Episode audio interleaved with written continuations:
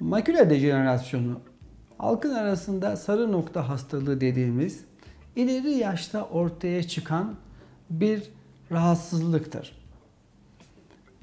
İleri yaşta derken genelde 60'ın üzerinde ortaya çıkar fakat 60 yaşına doğru da ileride bu hastalığın olup olamayacağı konusunda da bazı sinyaller alabiliriz gözden. Peki nedir bunlar?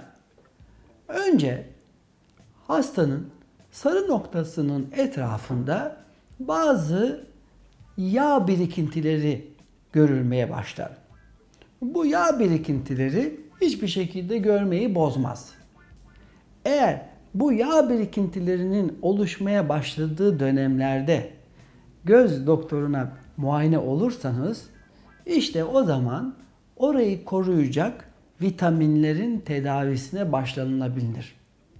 Vitamin tedavisi tartışmalı olmakla birlikte fayda sağladığı konusunda da genel kanaat faydalıdır diye bir sonuca varılmıştır. Çünkü makülada yani sarı noktada bazı zeaksantin ya da bazı retinollerin azaldığı tespit edilmiş. Öyleyse biz bunları yerine koyarsak o zaman bu hastalığın gelişmesini biraz olsun yavaşlatmış oluruz.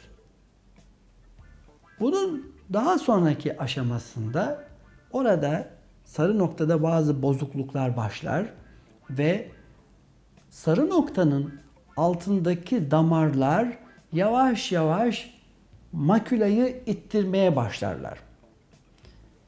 Ya da o bölge atrofiye olmaya başlar. Yani zayıflamaya başlar. İşte o zaman görmelerde bozulma ortaya çıkar. Yamuk yumuk görmeler ortaya çıkar. Bu yamuk yumuk ya da eksik görmeler kuru ve yaş tipe göre de farklı olmaktadır.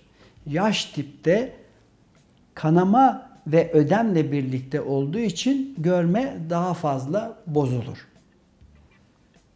İleri yaşlarda derken bu 65 yaşın üzerindekileri kastediyoruz.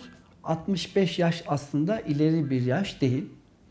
Bayanlarda erkeklere göre daha fazla meydana geliyor. Bu da belki bayan ömrünün daha uzun olmasından da kaynaklanıyor olabilir. Ultraviyole ışınlarına maruz kalanlarda daha fazla görüldüğü, açık göz rengi olanlarda daha fazla görüldüğü bildirilmektedir.